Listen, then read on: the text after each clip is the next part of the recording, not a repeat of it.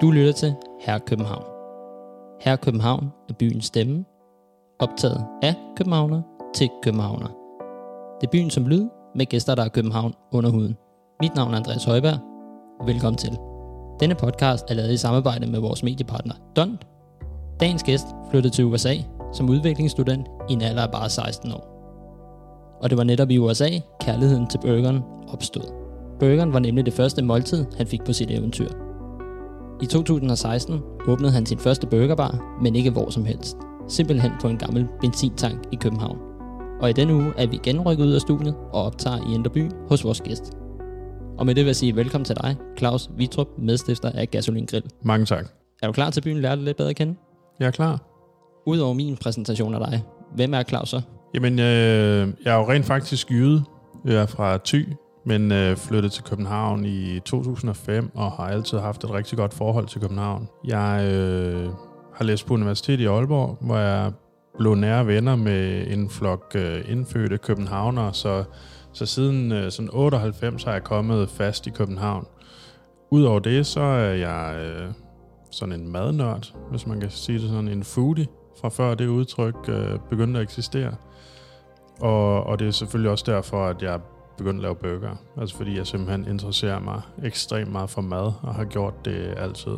Ved siden af mit studie på øh, universitetet, der øh, arbejder jeg som kok, og, øh, og hele vejen op øh, gennem min universitetstid, og også efter, har jeg, har jeg arbejdet som kok på forskellige restauranter. Øh, og har egentlig altid tænkt, at jeg skulle arbejde i restaurationsbranchen, øh, men jeg tænkte, at det ville være godt at have en øh, sådan en ballast, øh, økonomisk ballast, hvis man kan sige det sådan. Jeg har altid interesseret mig ekstremt meget for restauranter. Altså det her med, hvad er det, der gør en restaurant fed? Altså hvis du har to restauranter, hvad er det så, der gør, at den ene er mega fed, og den anden ikke er?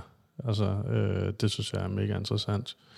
Derudover, ja, jeg er 44, bor på Frederiksberg med kæreste. Ja. Og hvad betyder det for dig at gøre dig umage? Jamen, øh, det er jo et øh, sjovt udtryk, synes jeg. Fordi øh, mange siger jo, at vi gør os umage. Og øh, det gør vi også. Altså, og jeg synes, øh, altså det at gøre sig umage, det, er, det gør vi alle sammen. Så jeg synes ikke, der er noget specielt i at gøre sig umage. Altså, jeg gør, øh, jeg gør mere end at gøre mig umage. jeg, øh, jeg prøver at, altså jeg sigter efter det sublime. Og øh, og det, er, det, det gør jeg sådan i de, i de fleste ting, jeg går ind til, i hvert fald de ting, jeg går op i. Øh, så jo, det er fint at gøre sig umage, men det tror jeg egentlig, alle gør. Hvis vi skal snakke lidt mere om dit forhold til byen, hvornår begyndte du at stifte bekendtskab med København? Var det, øh, da du, da du tog skridtet herover? Ja, men sådan for alvor i omkring 98, øh, hvor jeg var herovre næsten hver weekend øh, med mine venner, som hvor vi på det tidspunkt boede i Aalborg. Øh, og de havde åbnet en tøjbutik, og jeg gik på universitetet, og så øh, fandt vi hinanden, og så øh, var vi ofte i, i København, og, øh, og ofte ender til fodbold også, øh, FCK. Øh, så det var der, jeg sådan for alvor startede, og så selvfølgelig, da jeg flyttede herover i 2005, øh, var det jo på fuld tid. Hvor stor en del har København betydet for dig? Jamen, øh, rigtig meget. Altså, øh, jeg har altid, øh, også da jeg var lille, tænkt, at jeg skulle bo i København øh, som minimum. Og når jeg siger som minimum, så var det fordi, at jeg tænkte også sagtens, at jeg kunne bo i udlandet. Men, øh, men jeg er ret vild med København. Og, øh, og jeg mener, at når vi har en sommer, som vi har nu, og som vi havde sidste år, så er København den fedeste by i verden. Altså, der er ikke nogen, der kan, nogen byer, der ligesom kan konkurrere med København på den front. Altså, det er jo helt fantastisk at være i København om, om sommeren. Og hvis du skulle nævne, hvad du bedst kan lide ved byen? Om jeg synes jo, det er jo en lille by, trods alt. Altså, man kender mange mennesker, og man møder mange mennesker, man kender i de cirkler, man ligesom færdes. Så man kan have det her lokale, selvom det jo er en, øh, en stor by på sin vis. Så øh, fordi man færdes så meget i cirkler, så øh, møder man ofte de samme mennesker hele tiden. Det synes jeg egentlig er meget hyggeligt. Måske har det noget med min jyske baggrund at gøre. Men øh, øh, nej, altså det, det synes jeg er ret fedt. Og så selvfølgelig madniveauet er jo sublimt i forhold til byens størrelse. Øh, der er ekstremt mange gode restauranter.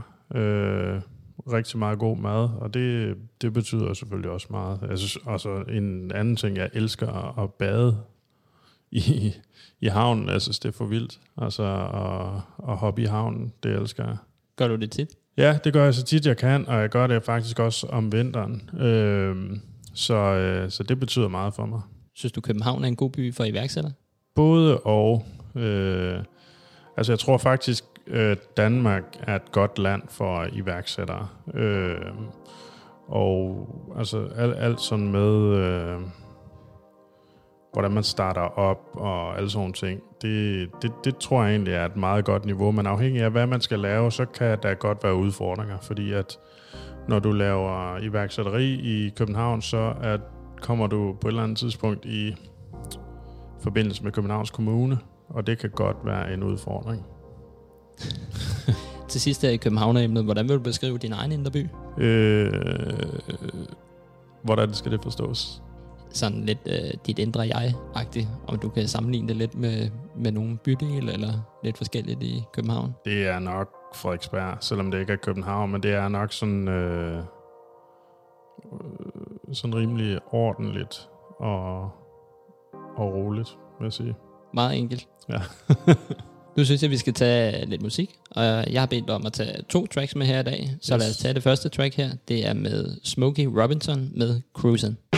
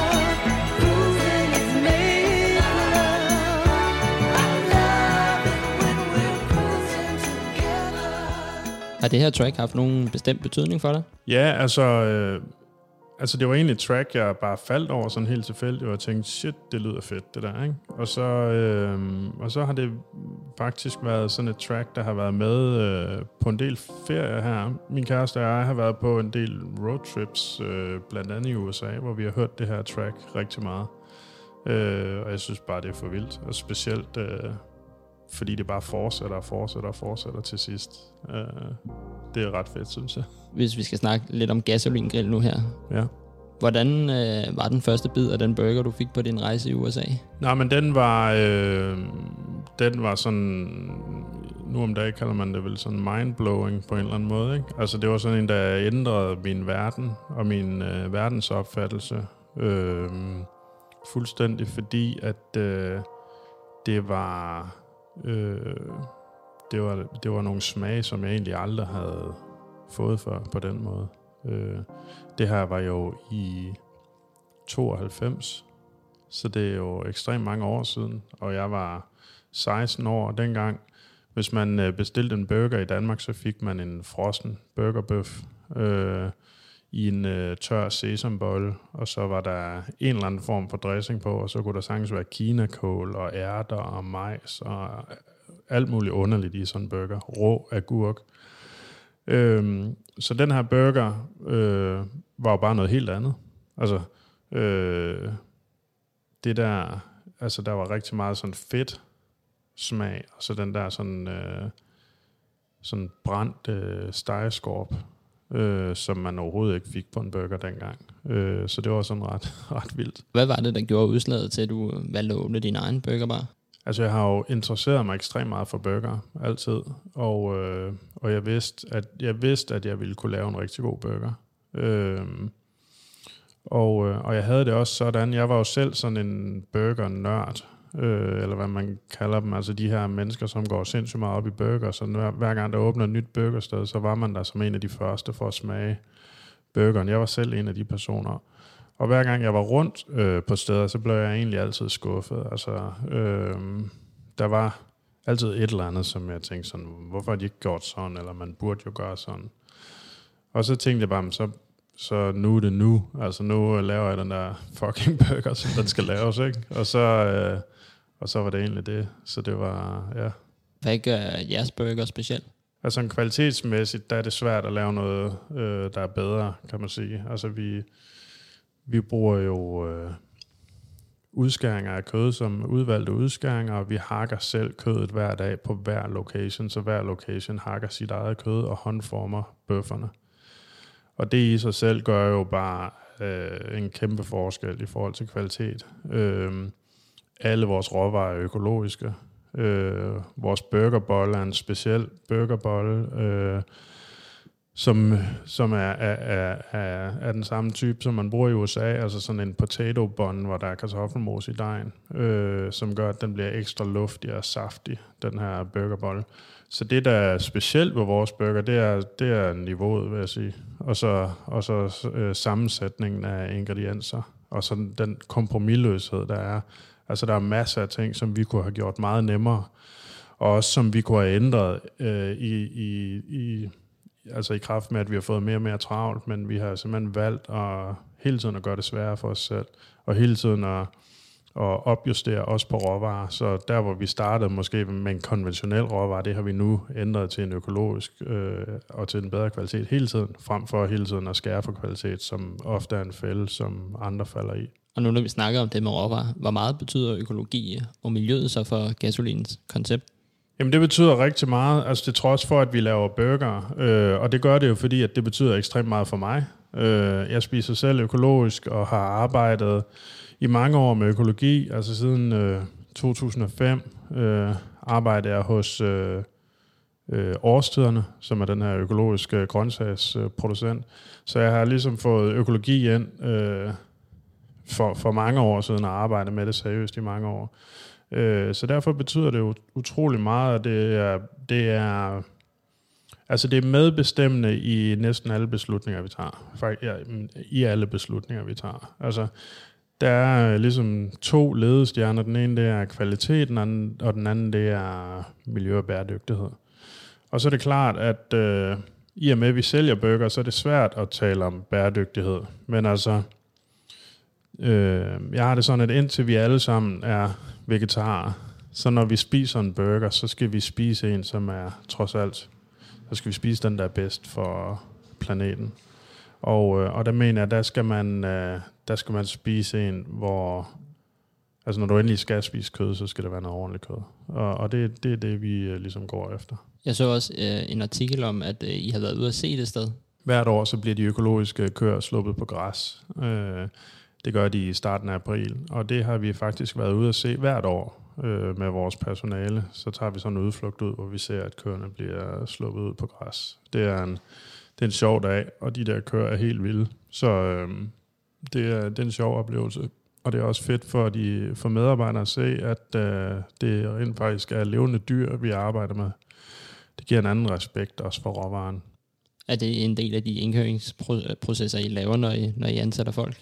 Vi har rigtig mange processer, når vi ansætter folk, og, og meget sådan læring, de skal igennem. Det her det er egentlig bare et tilbud, vi giver øh, vores medarbejdere om en, en hyggelig søndag. Øh, der er ikke mødepligt, men heldigvis er der mange, der synes, det er sjovt at tage med. Hvorfor lige en benzinsang til at åbne den første på? Jamen, hvorfor ikke? Altså, det var jo bare virkelig sjovt. Altså, jeg så den der benzintank og tænkte bare, at den ville være helt genial til en burgerbar. Altså, jeg, jeg, jeg så bare, at den kunne passe perfekt til en burgerbar.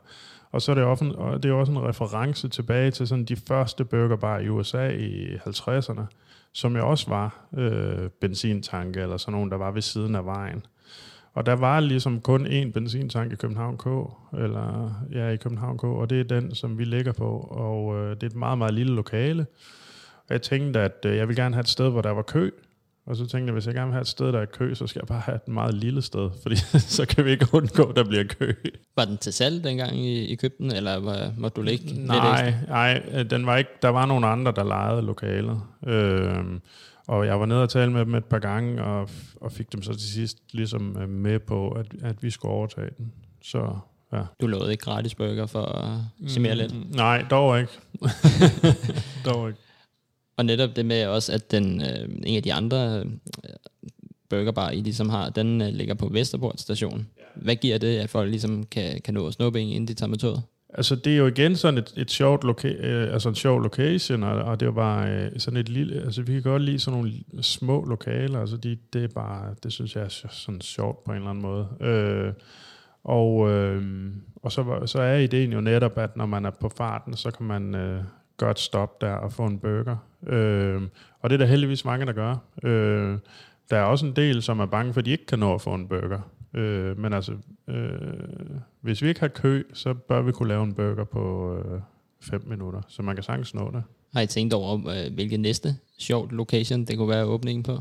Øhm, ja, altså der er jo alt muligt hele tiden, øh, hvor vi tænker, altså brainer, hvor vi tænker, et eller andet kunne være sjovt, men jeg tror, det er sådan, indtil man ser det, når man ser uh, location, så, uh, så kan man, uh, så ved man bare, om det er rigtigt eller ej. Hvad gik der igennem hovedet på dig, da, da du så din burger, den var kommet på Bloombergs liste over de bedste burger i verden? Ja, men det var jo helt, altså det var virkelig vildt. Altså, øh, det var faktisk, det var helt tilfældigt, jeg fandt ud af det. Altså, jeg fandt, jeg fandt dog ud af det samme dag, som det var sket, så måske havde jeg opdaget det alligevel, men det var simpelthen en kunde, som, som sendte artiklen til mig. Øh, og der var jeg bare, altså jeg var helt vildt stolt. Øh, og, og, og glad selvfølgelig, og så, og så tænkte jeg bare, at det var fuldstændig sindssygt. Altså. og det gav vel også lidt run på bagefter? Jo, jo, det gjorde det. Altså, øh, helt sikkert. Altså, det, det var jo januar måned, og det var jo en måned, hvor i og med, at vi ikke har nogen sædepladser på Landgreven, som, som var det eneste sted, vi havde dengang, så havde jeg jo forberedt mig på et par måneder, hvor vi ikke skulle have særlig meget at lave. Og øh, faktisk så blev de måneder lige så travle, som sommeren havde været. Så, øh, så det var lige pludselig en helt anden situation, vi stod i der. Hvis vi skal snakke lidt mere om, om omtale af Gasoline Grill. Ja. Hvordan kom I med i den der Netflix-serie, Somebody Feed Phil? De, altså, det ved jeg ikke. De kontaktede os, så de skulle til København, og, og, øh, og de skulle besøge øh, nogle steder, og der var vi så ligesom på deres radar. Og så, øh, så blev vi spurgt, om vi ville deltage, og det ville vi selvfølgelig gerne. Nu kører I det koncept med, ligesom at I typisk set har udsolgt hver dag. Ja hvis du skulle tage de forretningsmæssige briller på, er det så ikke skidt, at man har udsolgt af sit produkt? Jo, altså, det er jo et rigtig godt spørgsmål, fordi øh, der er helt klart fordele i det, og der er selvfølgelig også ulemper. Altså, det kommer an på, hvad man gerne vil. Øh, mit mål er jo at lave en rigtig god burger. Mit mål er ikke at lave mange burger. Og øh, hvis jeg gerne vil lave en rigtig god burger, så er det, så er det øh, god idé i, øh, at man ligesom har en nødbremse, man kan trække i på en eller anden måde. Ideen var jo fra start, at, øh, eller ideen, men den første måned, vi havde åbnet, lavede vi jo kun 100 bøger hver dag. Og det var simpelthen for at have en nødbremse, fordi at jeg var så arrogant at tænke, at vi ville få sindssygt travlt for dag et. Og det fik vi faktisk også. Og det var jo kun mig og så øh, en anden ansat til at starte med, og så senere en mere. Så vi var jo ligesom kun tre. Så øh, jeg kunne godt se, hvis ikke jeg skulle stå dernede sådan ligesom uafbrudt og blive løbet over ende, så var vi nødt til at have den der sådan øh, nødbremse og kunne lukke ned. Øh, og så var det også for ikke at spille noget, øh, nogle råvarer. Altså netop øh, også i forhold til, til bæredygtighed. Altså når vi laver oksekød, så, så er det jo galt nok i sig selv, men hvis vi så også smed noget af det oksekød væk, så ville det jo være helt forfærdeligt. Så derfor så, øh, så gav det mening det der med at lave en, øh, et vist antal bøger, og så sælge dem, og så er der lukket. Øh, så har vi en garanti for, at vi laver friske bøger, og vi har en, øh, en sikkerhed for, at vi ikke smider råvarer væk. Øh, så alt det er ligesom i betragtning. Så kan man sige, at da vi så øh, fik omtale, og vi nogle dage havde rigtig tidligt udsolgt, der var der jo mange, der blev sure på os, og, og, og, øh, og, og sådan nogle ting. Og det er jo, det er jo fair nok. Øh, og der var mange, der mente, jamen I tjener ikke nok penge, og I kunne tjene mange flere penge. Og det er også øh, måske fair nok, men altså, det er, jo, det er, som sagt, så er det ikke, så er det ikke det, der er målet øh, for os. Øh, selvfølgelig vil vi gerne tjene penge, men det er ikke, øh, vi har ikke sådan en profitmaksimeringsstrategi, der går ud på, fordi så kunne vi gøre mange ting, som vil gøre, at vi tjener flere penge. Øh, vi laver et antal burger hver dag, hver dag og vi laver mange. Øh, så, øh, så vi, det det, vi kan stå inden for. Det er dem, vi ved, vi kan lave med, en, øh, med den kvalitet, som vi kan stå inden for. Og det tror jeg faktisk, der er rigtig god økonomi i. Øh, så det med at have udsolgt, øh, det tror jeg faktisk godt kan være en god forretning. Det er vel også en meget god måde at hype burgervaren på, at folk ligesom ser, at der bliver udsolgt, og så må jeg hellere komme tidligt næste dag. Det er så sådan en sideeffekt. Det var faktisk ikke en, det var faktisk ikke en del af strategien til at starte med. Eller, altså, der var jo ikke nogen strategi, men altså, det var ikke en del af tanken til at starte med, men, men det er det så blevet, og det er, jo, det er jo fint. Og heldigvis er der mange, der synes, det er mega fedt, at, øh, at vi er udsolgt hver dag. Jeg, jeg kan faktisk godt lide det. Altså, øh, der er også noget, der er også nogen, der siger, hvorfor er du ikke åben om natten? Du kunne sælge masser af bøger om natten. Og det er sådan, ja ja, men altså, øh, så skal man stå der og sælge bøger om natten til fulde mennesker. Det vil jeg ikke selv give. Øh, så det vil jeg heller ikke udsætte mit personale for. Altså, så, så det er egentlig det, der ligger bag det. Skal I udvide menuen på et tidspunkt? Øh, ja, altså, øh, der er i hvert fald, jeg har flere burger i mig, som jeg gerne vil lave. Øh, og der var også nogen, som egentlig skulle have været med på den første, men på grund af, at vi har så lidt plads, så var der simpelthen ikke plads. Øh, så jo, på et eller andet tidspunkt øh, kommer der nok flere burger på. På enkelte locations, ikke på alle locations. Hvis du skulle lave en burger, der hedder Her København, hvad skulle der så være i den? Øh, men er det ikke den, vi har? Altså, er det ikke, er det ikke vores cheeseburger? Vil du kalde den her København? Ja, det tror jeg. Næste mål? Jamen, næste mål er egentlig, næste mål er egentlig at, at fortsætte med at, og, øh, at tiltrække øh, unge mennesker, der har lyst til at arbejde for os, og lave en fed arbejdsplads, og fortsætte med at have fokus på at holde vores kvalitet, og så er det øh, øh, altså, vi vil gerne arbejde endnu mere med, hvad vi kan gøre sådan proaktivt for at arbejde med øh, bæredygtighed. Altså, så, så det ikke kun handler om, at vi træffer nogle bæredygtige valg, men også, at vi er ude at påvirke. Så, så det er sådan næste mål, tror jeg. Her til sidst i burgeremnet. Hvis øh, du skulle forestille dig, der er drengeaften, der er Champions League på fjernsynet. Mm. Hvis du skulle komme med nogle tips til at lave den øh, perfekte hjemmelavede burger, ja. hvad, øh, hvilke tips kunne du så have der? Jamen, så vil jeg sige, at man skal jo i hvert fald hakke kødet selv. Øh, og så skal man få fat i en god blød bolle, som man kan købe på sådan en bager. Og, øh, og så tror jeg, jeg vil, øh, afhængig af selvfølgelig, hvor mange man er til den her drengeaften, men, men så vil jeg lave smash burgers, altså som, er, som også er den type burger, vi laver, hvor du tager og, og presser bøffen flad på øh, plade, altså på stegepanden. og så tror jeg, jeg vil lave dobbelt burgers, altså dobbelt cheeseburger. Og så ikke, ikke, ikke andet i en uh, løg og pickles og, og, og en dressing, man selv laver, eller mayo og sennep, og så det det. Altså. Det lyder sgu også meget godt. Ja. Jeg har også taget et track med her i dag, og det er med Hans Philip med Hvorfor.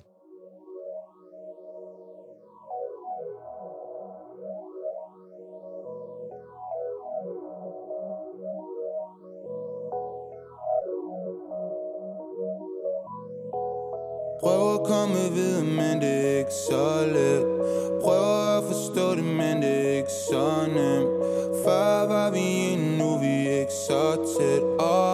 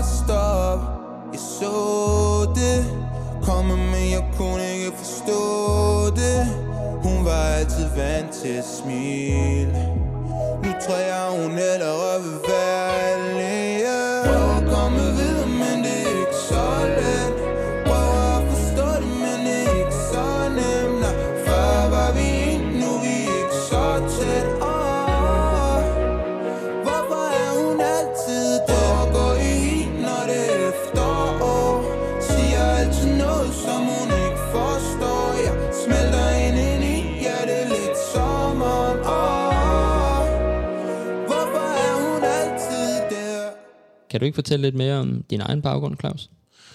Jo, altså øh, som nævnt, så, øh, så har jeg altså en uddannelsesmæssig baggrund fra Aalborg Universitet, hvor jeg er uddannet kant mærk. Øh, så det er ja, erhvervsøkonomi.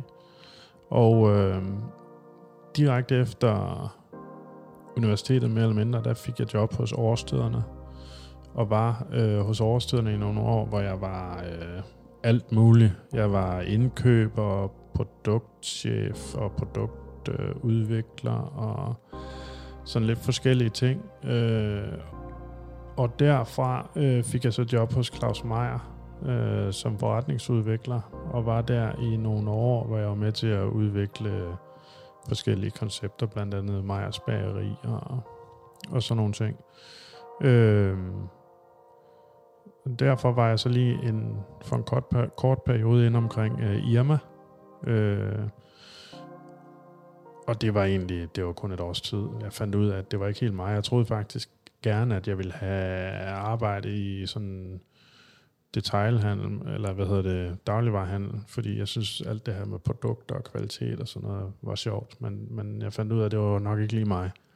Og derfor kom jeg så faktisk tilbage til årstiderne, og var, øh, var øh, havde igen sådan forskellige øh, stillinger, og, og afsluttede med at være sådan chef for øh, Krogerup Avlsgård, altså for de aktiviteter, der foregår på gården, og der er blandt andet en, en gårdbutik og en restaurant og en café og events og alt sådan noget halløj. Og, og der stod jeg så ligesom for det. Og, øh, øh, og derfra fik jeg så job hos øh, noget, der hedder TPN, øh, Total Produce Nordic, og det er der ikke mange, der har hørt om, men det er faktisk Europas største frugt- og grønt virksomhed.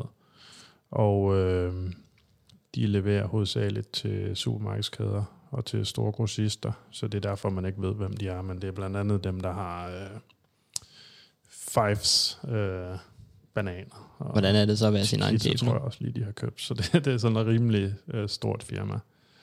Og hos dem, der var jeg... Øh, der var jeg nordisk chef for innovation og marketing.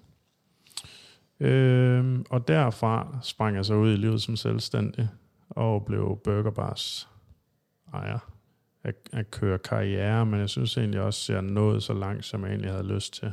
Og jeg havde hele tiden en drøm om, at jeg selv skulle, have, øh, jeg skulle starte mit eget. Jeg havde hele tiden en drøm om, at jeg skulle have en restaurant eller en burgerbar. Øh, så det var, jeg synes, det var det rette tidspunkt. Og, øh, og det er, jeg vil ikke sige, at jeg ville ønske, at jeg havde gjort det før, fordi det ville jeg ikke, fordi jeg har lært utrolig meget af, af de år, jeg har haft, og lært mange mennesker at kende, og har, har prøvet mange ting, og jeg tror også, at jeg virkelig var klar. Så, øh, men jeg er glad for, at jeg gjorde det. Kunne du finde på at starte en anden restaurant på et tidspunkt? Ja, det kunne jeg sagtens. Øh, altså, hvis jeg har tid og, og sådan noget. Men jeg har, jeg har mange restauranter inde i mit hoved, som jeg gerne vil lave. Så øh, det kunne jeg sagtens. Og i forhold til tid, så når du så endelig har fri, hvordan øh, slapper du bedst af? Bedst afslappning, øh, det er nok, øh, det har også noget med vand at gøre, det er fiskeri. Altså, jeg er ivrig fluefisker, øh, og fisker havet på kysten. Det øh, synes jeg er helt fantastisk. Og, og så selvfølgelig også at, altså, at lave mad elsker jeg også. Jeg kan godt lide sådan nogle øh, weekendprojekter, som er sådan lidt mere omfattende. Øh, altså når vi snakker om mad, altså lave sådan noget øh, lidt mere ambitiøst. Og øh, ja, ellers bare hænge ud. Hvad kunne det være af seriøse ting?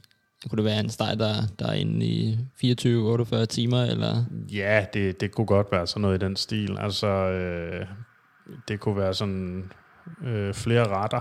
Det kunne være sådan øh, ting, jeg ikke har prøvet før. Øh, eller det kunne være sådan et eller andet langtids brasseret. Du også startet et uh, nyt projekt uh, ved navn uh, Daily Hood. Daily Hood. Daily Hood. Ja. Kan du fortælle lidt mere om det? Ja, det kan jeg godt. Altså det er egentlig sådan en, øh, man kan jo kalde det Airbnb øh, inden for mad.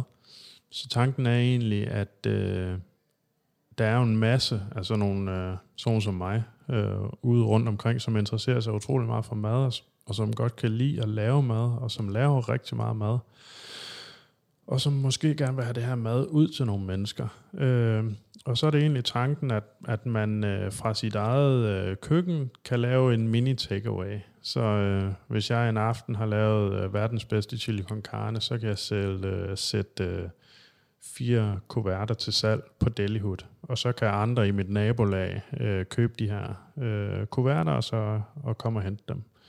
Så det er egentlig sådan den grundlæggende tanke.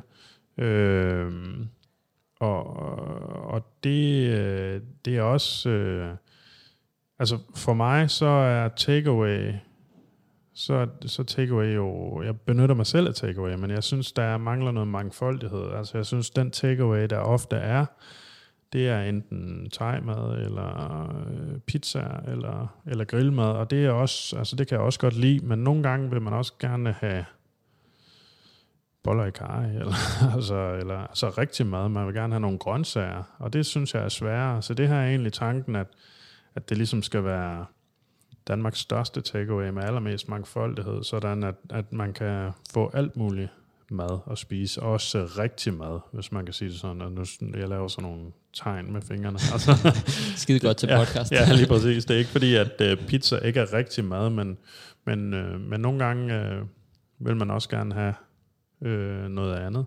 Så det er jo tanken. øh, og det har startet sammen med nogle andre, og øh, så må vi se, om det er noget, der ligesom øh, bliver en succes. Altså, jeg, øh, jeg synes selv, det er sjovt, og jeg har også selv benyttet mig af det, og man, det er selvfølgelig en barriere, man lige skal overvinde og gå hjem til en fremmed person og hente noget mad, og så bagefter spise det. Men når man øh, har prøvet det en gang, så synes jeg egentlig, det er fint. Øh, så er det ikke så skræmmende. Det er lidt ligesom første gang, man skulle have nogen til at bo i sin lejlighed, hvis man har kørt Airbnb. Det var sikkert også øh, skræmmende, men nu er det noget, alle gør. Øh, og det, det tænker jeg, at det her det kan blive det samme. Altså, det er også en reference til, da jeg, da jeg selv var studerende og egentlig var fattig, eller altså ville gerne tjene nogle penge, øh, at øh, hvis jeg kunne have lavet noget mad og solgt det på nettet, og have tjent en skilling på det, det havde været helt fantastisk. Altså. Men det er også perfekt det der med, at du kommer både ind på det med madspil, men du, det kan også være, at du, du stifter nogle nye bekendtskaber, hvis det er nu de samme, du kommer Præcis. tilbage og køber mad hos. Ja, Jamen alt muligt. Jeg jeg synes, der er rigtig mange øh, sådan, øh, vinkler i det. Jeg synes også, der kan også være noget integration. Altså, øh, øh, pakistanske damer, som laver helt fantastisk mad, øh, men, men, men man har ligesom ikke rigtig adgang til det, eller, eller mænd for den sags skyld, men bare det der med, at man kan smage mad fra alle de mennesker, der egentlig bor i København. Øh, det, det, det synes jeg er fedt. Og med det, så synes jeg, vi skal tage det andet track, du har haft med i dag. Så her er Snoop Dogg med Gin and Juice.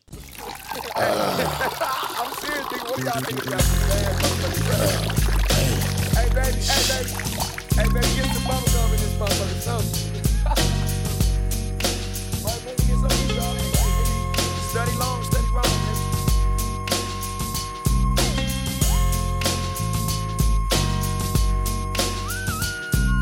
With so much drama in the LBC, it's kinda hard being Snoop D-O double G, but I somehow, some way keep coming up with funky ass shit like every single day. May I kick a little something for the G's and make a few ends as I breeze through. Two in the morning and the party still jumping cause my mama ain't home. I got bitches in the living room getting it on and they ain't leaving till six in the morning. So what you wanna do? Shit, I got a pocket full of rubbers and my homeboys do too. So turn off the lights and close the doors. But but what? We don't love them hoes. Yeah. So we gon' smoke an ounce to this. G's up, hoes down, while you motherfuckers bounce to this. Rolling down the street, smoking in sipping on gin and juice. Laid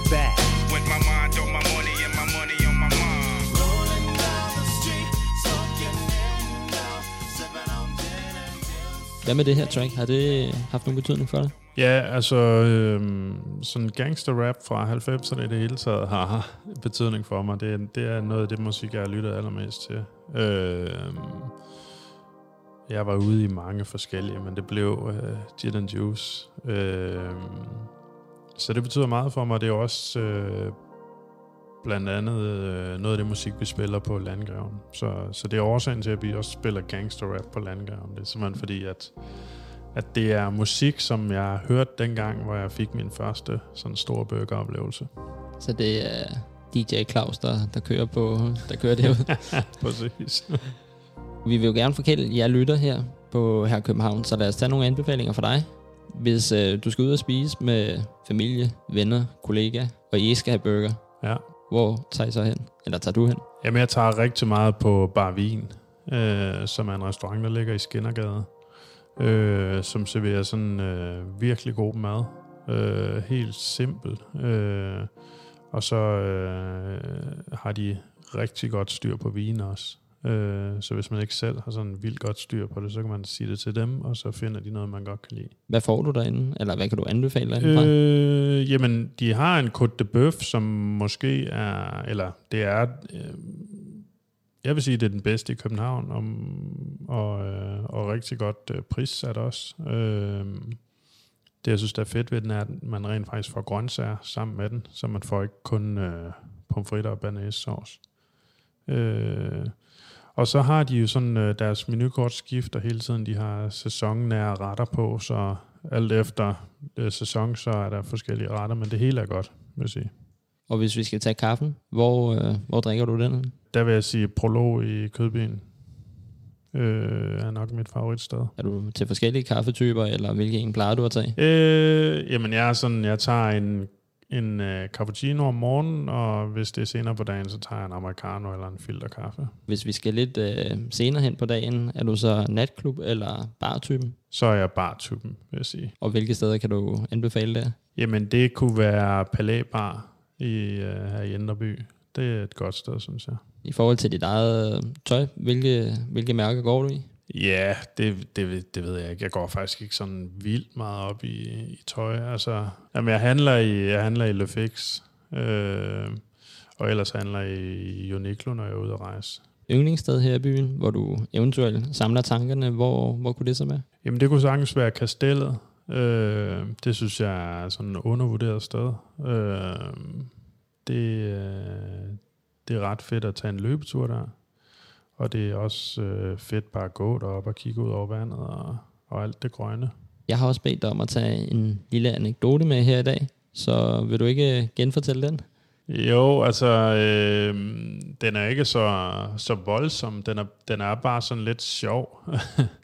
øh, og det var egentlig en, det var en dag, hvor vi øh, havde udsolgt, og vi gik og lukkede ned og gjorde rent.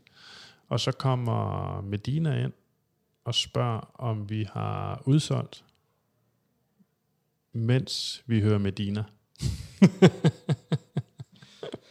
så vi hører Medina på fuld blæs, mens vi går og gør rent, og så kommer Medina ind og spørger, om vi har udsolgt. Hun, hun fik ikke nogen burger. Nej, desværre. Ja, så, så hjælper det heller ikke meget at være kendt. Lad det blive det sidste ord for i dag. Tusind tak, fordi jeg måtte komme forbi og snakke med dig, Claus. Selv tak. Tak for besøget. Denne podcast er lavet i samarbejde med vores mediepartner Blunt. Husk, du kan følge os på Facebook, Twitter og Instagram, samt lytte til podcasten på alle podcasttjenester. Det vil betyde meget for os, hvis I lige vil gå ind og smide en anmeldelse ind på iTunes, og eventuelt give den de antal stjerner, I har lyst til. Tak fordi I lyttede med. Ha' det godt.